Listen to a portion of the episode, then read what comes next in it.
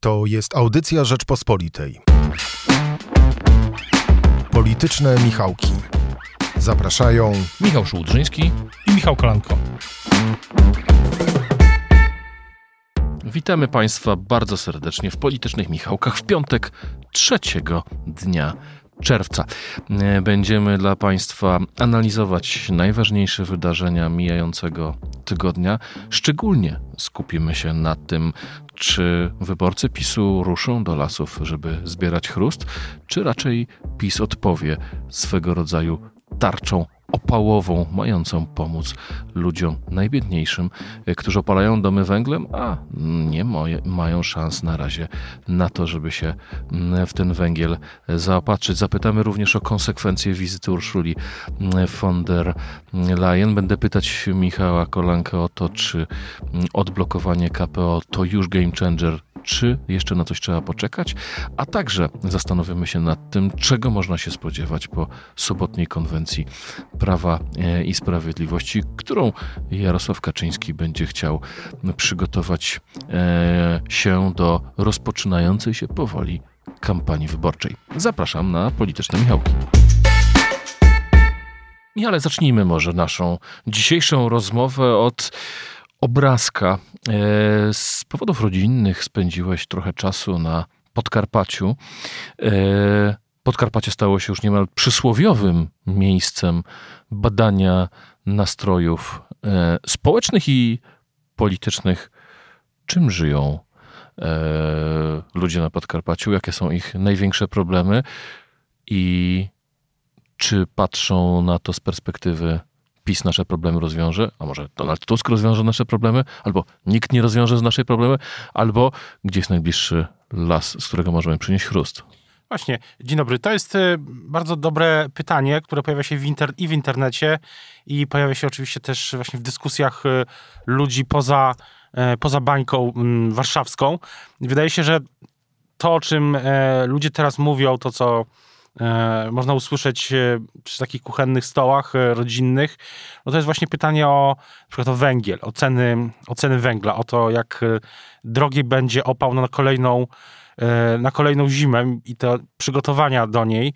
Stąd też też właśnie rzucane uwagi i to też widać właśnie w sieci, ale też właśnie w rozmowach ludzi, no właśnie co z tym chrustem i chodzeniem do lasu po, po opał. I to jest, myślę, dzisiaj, no i oczywiście obrazek tego, taki społeczny. Są też oczywiście kwestie dotyczące inflacji, wysokich cen, tego, co dalej będzie z wojną, jak ta wojna wpłynie na przykład na na szkolnictwo w dłuższej perspektywie. No jest bardzo wiele obaw i niepewności.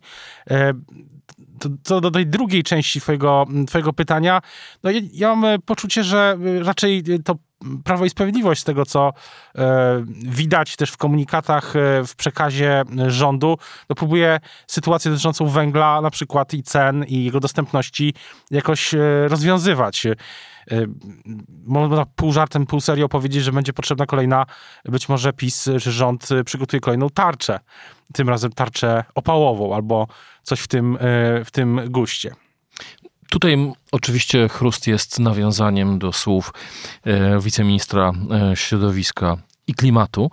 To poseł Edward Siarka z Prawa i Sprawiedliwości, który, który wytłumaczył ludziom, że obowiązuje możliwość zbierania gałęzi na opał. To jest związane z decyzją generalnego dyrektora lasów państwowych, który pod koniec maja określił zasady pozyskiwania środków opałowych przez obywateli, ale chyba to nie ucieszyło elektoratu, który, e, tak jak mówisz, e, to, znaczy jak, jak, się pozyskuje węgiel w tej chwili? Bo nie, nie ma możliwości chyba zamówienia go na dzisiaj, tylko są jakieś długie kolejki. No tak, z tego, co też z, z tych relacji wynika, że rzeczywiście e, trzeba się... Bardzo cena wyższa, tak? się zapisują wręcz.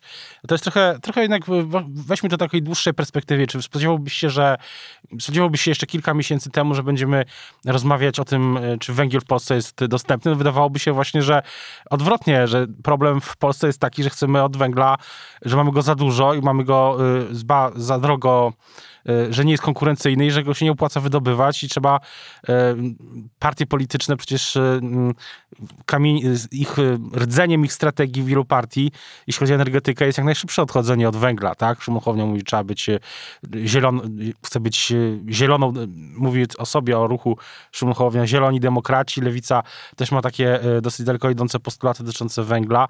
No, ale też wychodzi Solidarna Polska i mówi, gdybyście nas posłuchali, gdybyśmy inwestowali zamiast w odnawialne źródła energii w kopalnie, bylibyśmy w lepszej sytuacji. To, to prawda, chociaż e, nawet wybuch wojny, czy albo inaczej, e, wydaje się, że wybuch wojny wcale nie, nie sprawił, że Unia Europejska na przykład e, chętniej słucha Solidarnej Polski w tej sytuacji, bo takie też argumenty się pojawiły, że teraz właśnie wojna pokazała, trzeba być niezależnym energetycznie, no i stawiajmy na węgiel, ale myślę, że komisarz Timmermans, który mm, z naszej perspektywy jutro, w sobotę ma mm, mieć, będzie we Wrocławiu na konwencji europejskiej lewicy, na Europejskiej Konwencji Lewicy, no raczej tego E, nie przyjmie do wiadomości. No, też jest problem mm, taki, e, że te inwestycje w węgiel, e, które, o których mówiła Solidarna Polska, by pochłonęły, byłyby bardzo kosztochłonne ze względu na to, że ten łatwo dostępny węgiel, to już żeśmy dawno wydobyli. Teraz są głębsze pokłady, nie zawsze dobrej jakości, ale też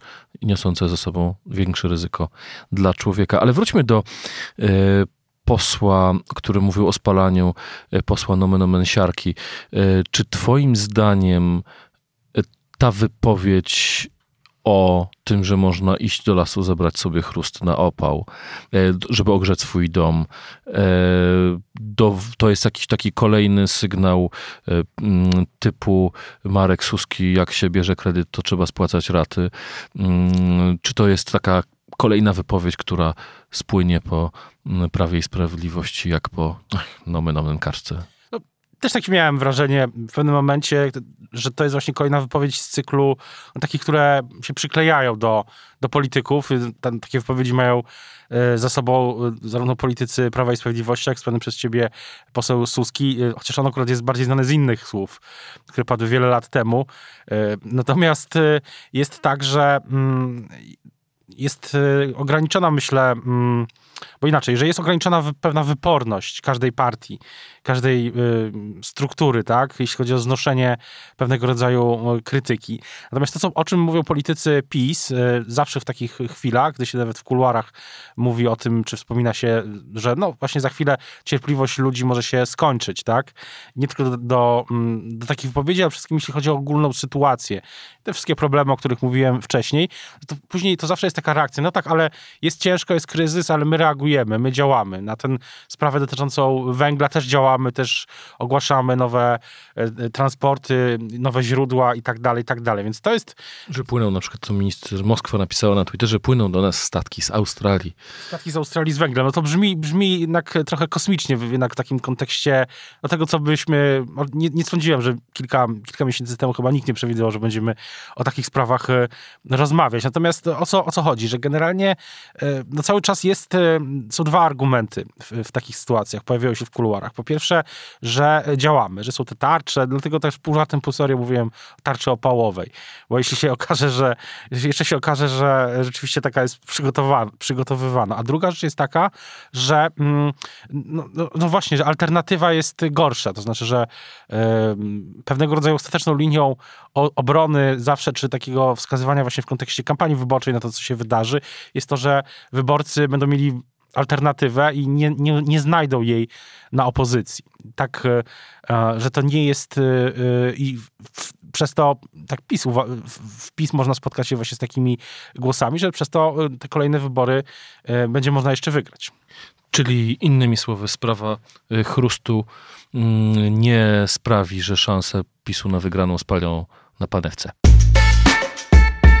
Ten tydzień dla Prawa i Sprawiedliwości był bardzo emocjonujący z jednego powodu, a mianowicie przyjechała do Warszawy Ursula von der Leyen e, i ogłosiła e, razem z prezydentem i premierem na wspólnej konferencji prasowej podpisanie polskiego, przyjęcie przez Komisję Europejską polskiego planu e, odbudowy, który zakłada dwieście kilkadziesiąt kamieni milowych.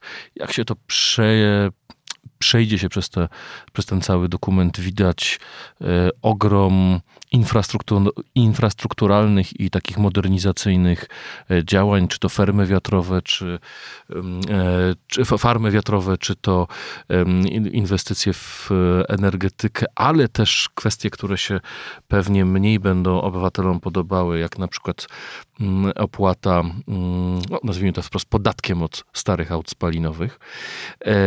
Czy Twoim zdaniem dla PiSu doprowadzenie do tego momentu, do przyjęcia polskiego KPO 13 miesięcy, dokładnie 13 miesięcy po tym, jak ten dokument został wysłany e, do Brukseli, e, czy to jest game changer? Jeszcze nie.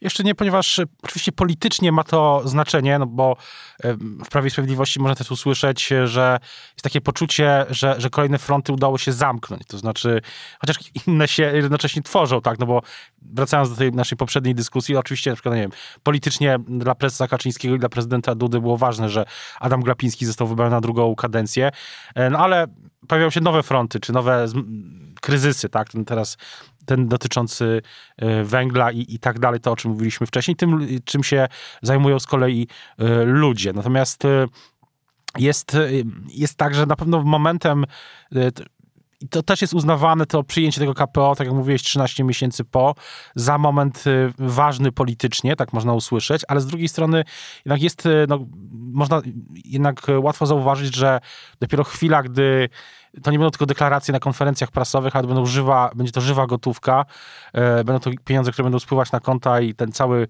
proces zostanie no, będzie w innym miejscu, tak, e, no to wtedy będzie, wtedy bym powiedział, że to będzie game changer. Teraz e, wydaje się, że to jest co najwyżej jego zwiastun, no bo mm, załóżmy też, no bo są ryzyka, że do tego game changera po prostu nie dojdzie. Zresztą ze szkodą dla mm, polskiej gospodarki, Polski w ogóle, tak jak to pisałeś w Piątkowej Rzeczpospolitej, no jest szansa teraz, żeby Polska no, ma historyczną szansę. Daj pytanie, czy politycy w Polsce, y, ale też y, jakie będzie podejście Komisji Europejskiej, czy politycy ją wykorzystają, czy nie. Y, w tym roku polski rząd chce mm, wydać już pierwsze 20 miliardów złotych z tego docelowo. Jeżeli sprawnie wydamy część grantową i pożyczkową, będziemy mogli wnioskować o kolejną jej część. Razem będzie to 200 miliardów złotych. Olbrzymi zastrzyk pieniędzy dla naszej e, gospodarki, ale tutaj Ursula von der Leyen w Warszawie będąc wczoraj od razu zastrzegła. Warunkiem jest likwidacja Izby e, Dyscyplinarnej. E, to się dzieje. Senat przyjął poprawki, ale te poprawki idą znacznie dalej niż chciał, mm, chciało Prawo i Sprawiedliwość. W efekcie pewnych działań proceduralnych również posłowie senatorowie PiSu zagłosowali za poprawkami no, opozycji. Wiedzą, że, bo cała ustawa... jesteśmy w miejscu. No, wydaje się, że mm, interesującą tezę postawił niedawno, e, postawili, stawiają czasami politycy opozycji, jeśli chodzi o, tą, o sytuację w Senacie i te poprawki. No bo trochę to, to tak wygląda, bo inaczej, sytuacja, bo opozycja zgłosiła daleko idące e, w, w kontekście tej ustawy e, poprawki czy zmiany. No i trochę to wygląda, że zanim Sejm przyjmie, przyjmie lub odrzuci te poprawki, no to jeszcze jest jakieś pole manewru, tak? W chwili, gdy, gdyby ta ustawa na przykład bez zmian trafiła od razu do prezydenta, bo też Senat mógłby tak e, zrobić, no to wtedy pole manewru by się zamknęło. Teraz to pole manewru jeszcze istnieje, żeby e, coś w tej ustawie się zmieniło. Były takie sytuacje zresztą, że no pamiętamy z piątką dla zwierząt było trochę e, tak, że Senat prowadził do niej takie poprawki, że Senat tak zmienił piątkę dla zwierząt, że ona później nie była już procedowana. W, Dzisiaj leży w szufladzie. Wiele, bardzo wiele. Wiele te szuflady muszą być, muszą być pojemne, bo tam jest bardzo wiele różnych rzeczy. Weta prezydenckie na przykład w ogóle żadne nie zostało e, rozpatrzone. Oczywiście Senat nie ma i Sejm nie ma większości PiS, żeby weta o, o, odrzucać, no ale fakt pozostaje faktem. Wracając do tej ustawy, no ja się spodziewam jednak, że prędzej czy później do głosowania, czy do głosowania w Sejmie dojdzie, oczywiście, e, i e, te poprawki senackie zostaną odrzucone. A nie jest tak, że e, to była taka gra, pokażmy Urszuli von der Leyen, że możemy mieć ambitniejszą ustawę, że możemy, no przede wszystkim sędziów, e, którzy orzekali w Izbie Dyscyplinarnej poprawkami opozycji wyrzucić na zbity pysk. Na to nie chciał się, przepraszam za sformułowanie, ale o to de facto chodzi. Na to nie chciał się zgodzić Zbigniew Ziobro. Zbigniew Ziobro chciał osłabienia testu niezależności. Test niezależności został rozszerzony jeszcze bardziej w poprawkach. E, czy to nie będzie teraz tak, że PiS będzie trochę zmuszony, żeby przełknąć te poprawki w Sejmie? Może to też jest e, Pytanie też, na ile y, będzie się zmieniała sytuacja teraz. Być może to też jest y, pewnego rodzaju zabezpieczenie, czy inaczej, opozycja do tego doprowadziła, tak? No bo y, to opozycja kontroluje Senat, ma kontrolę nad Senatem, mogłaby ustawę odrzucić w całości na przykład, bez, bez zmian, tak jak było, nie wiem, z wieloma innymi, z wieloma podobnymi, z wieloma projektami. Tak było na przykład z Lex TVN, tak? Senat odrzucił Lex TVN, z tego co pamiętam, w całości. I później było głosowane to w Sejmie z wiadomym rezultatem. Natomiast... Nagle wyciągnięto to po pięciu miesiącach. Tak, no bo y, to też jest ważne, że w tej całej grze y, PiS kontroluje tempo, bo można rozpatrywać y, senackie ustawy, ustawy, które, czy stanowiska Senatu, mówiąc precyzyjniej, w dowolnej chwili lub nie, tak jak było właśnie z piątką dla zwierząt. Więc wydaje się, że tak, tak jak można było też w kuluarach usłyszeć, że jest, było też, jest takie poczucie m, takiego ostrożnego raczej optymizmu co do tego, czy te pieniądze będą trafiać na konto, na konta w Polsce, czy nie. E, bo ten proces no, będzie długi, E, i żmudny. Zresztą w tych kamieniach milowych, o których mówiłeś wcześniej, no jest bardzo wiele ciekawych e, zapisów, dotyczących e, właśnie procesu legislacyjnego i mm, to byłaby dobra zmiana, tak jak się przyjrzy tym, tym zapisom, które uniemożliwiają w praktyce no, szybkie wrzucanie ustaw, co jest, było zmorą i plagą. Jest w zasadzie zmorą. Tak, I zakłada również konieczne, obowiązkowe konsultowanie również ustaw e, sejmowych. Michale, zostawmy teraz to, co było w tym tygodniu i w ostatniej części zastanówmy się o tym, co nas czeka w weekend. W sobotę Konwencja Prawa e, i Sprawiedliwości. Teraz w ostatniej części naszej rozmowy e, powiedzmy sobie, czego możemy się po niej spodziewać, ale zacznijmy od pytania, z jakim układem sił PiS wchodzi w tę konwencję? Czy Mateusz Morawiecki został wzmocniony tą e, decyzją w sprawie KPO, czy z Korei Mariusz Błaszczak wraca jako namaszczony, bo pojawiają się takie głosy, że to on będzie nowym, wicemi, nowym wicepremierem do spraw e, bezpieczeństwa. W jakiej sytuacji, z jakim sytuacją, z jakim kapitałem wchodzi do, na tą konwencję Jarosław Kaczyński? To jest y, bardzo dobra, mm, bardzo ciekawa uwaga o, o właśnie wicepremier, o, o tym potencjalnym e, awansie, tak, Mariusza Błaszczaka, bo prezes Kaczyński, dobrze wiemy, lubi rozgrywać to wszystko takimi nie tyle skrzydłami, co lubi rozgrywać te frakcje wewnątrz. Myślę, że czuje się w tym e, znakomicie. Też nie lubi sytuacji, w których jedna frakcja, czy jedna grupa, czy jeden polityk jest, e, ma większą siłę rażenia niż, e, ma większą, zyskuje większą moc polityczną niż inni. Lubi myślę, że prezes Kaczyński lubi tak wtedy balansować. Więc wydaje się, że to z tego punktu widzenia ma sens, gdyby tak się stało, o czym ty mówisz, bo cały czas jesteśmy przed, jesteśmy cały czas przed, y, jesteśmy cały czas przed y, tym e, wydarzeniem, którym zapowiadane jest wiele, wiele miesięcy temu, czyli odejście Mirosława Kaczyńskiego z rządu. Mm, nie sądzę, żeby z tego co rozumiem, no to potrzebna jest do tego jakaś cezura czasowa też jeśli chodzi o wojnę na Ukrainie, no bo optyka sytuacji, że na przykład, no nie wiem, hipotetycznie, że dzisiaj prezes Kaczyński ogłasza um, urbi et orbi, że odchodzi z rządu, y, no to byłoby y, z punktu widzenia tego, co się dzieje na Ukrainie już 100 dni wojny, y, strasznej i brutalnej, no byłoby bardzo źle odebrane, chyba nawet w elektoracie Prawa i Sprawiedliwości, więc to jest y, ta decyzja jeszcze przed prezesem Kaczyńskim, natomiast PiS ogólnie wchodzi w, te, w tę konwencję i w ten... Co jest właściwie takim formalnym celem tej konwencji? Z tego, co rozumiem, politycznym celem tej konwencji jest pokazanie po pierwsze jakiegoś planu tych spotkań, objazdów, mobilizacji na najbliższe miesiące, ale też rozpoczęcie takiego etapu, takiego rozbiegu. Niedawno redaktor Szacki y, z Polityki analizował, jak PiS przygotowywał się do y, kampanii wyborczych i zwracał uwagę, że PiS lubi mieć taki długi rozbieg przed wyborami. No i ja rozumiem właśnie to tak, że w sobotę rozpocznie się taki e, rozbieg PiSu przed e, wyborami, które mają być jesienią 2023 roku, a wybory samorządowe mogą być przesunięte na wiosnę 2024. 24, e, tak. Z tym wiążą się oczywiście kolejne kłopoty. Unia Europejska bardzo niechętnie patrzy na to, by się wokół tuż koło wyborów europejskich, które powinny być wiosną 2024 roku, odbywały inne wybory. Michale, czy ty się spodziewasz, że teraz będzie ogłoszony coś jakiś element y, programu. Były spekulacje, czy właśnie 500 plus zostanie zamienione na 700 plus podczas właśnie tej konwencji. PiS lubił ogłaszać. E, rok temu w maju e, ogłosił Polski Ład. Jak się skończyło to wszyscy wiemy, e, raczej katastrofą wizerunkową. Mm, I też ostatnia rzecz, którą chciałem Cię zapytać, prócz tego, czy będą jakieś newsy. Czy to przypadek, że ta konferencja odbywać się, czy konwencja będzie odbywać się 4 czerwca 2022 roku w 30. rocznicę obalenia rządu Jana Olszewskiego. Ta legenda nocnej zmiany jest bardzo silnie e, obecna w ostatnich latach, bardzo mocno pompowana przez e, Prawo i Sprawiedliwość i związane z nim media.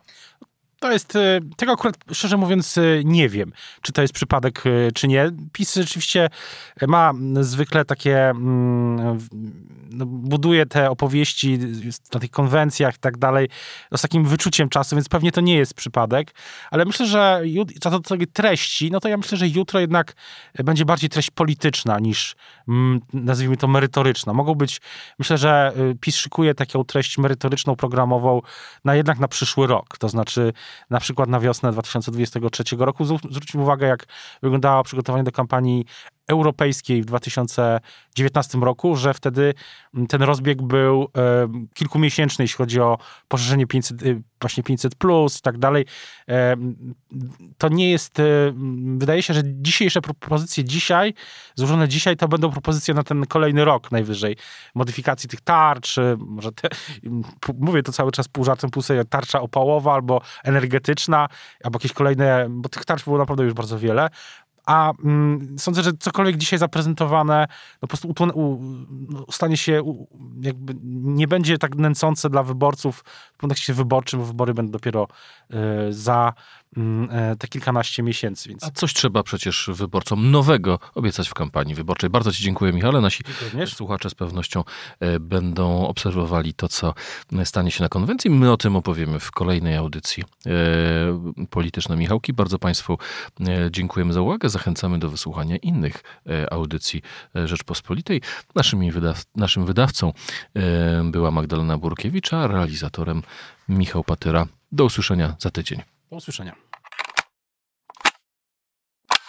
Słuchaj więcej na stronie podcasty.rp.pl. Szukaj Rzeczpospolita Audycje w serwisach streamingowych.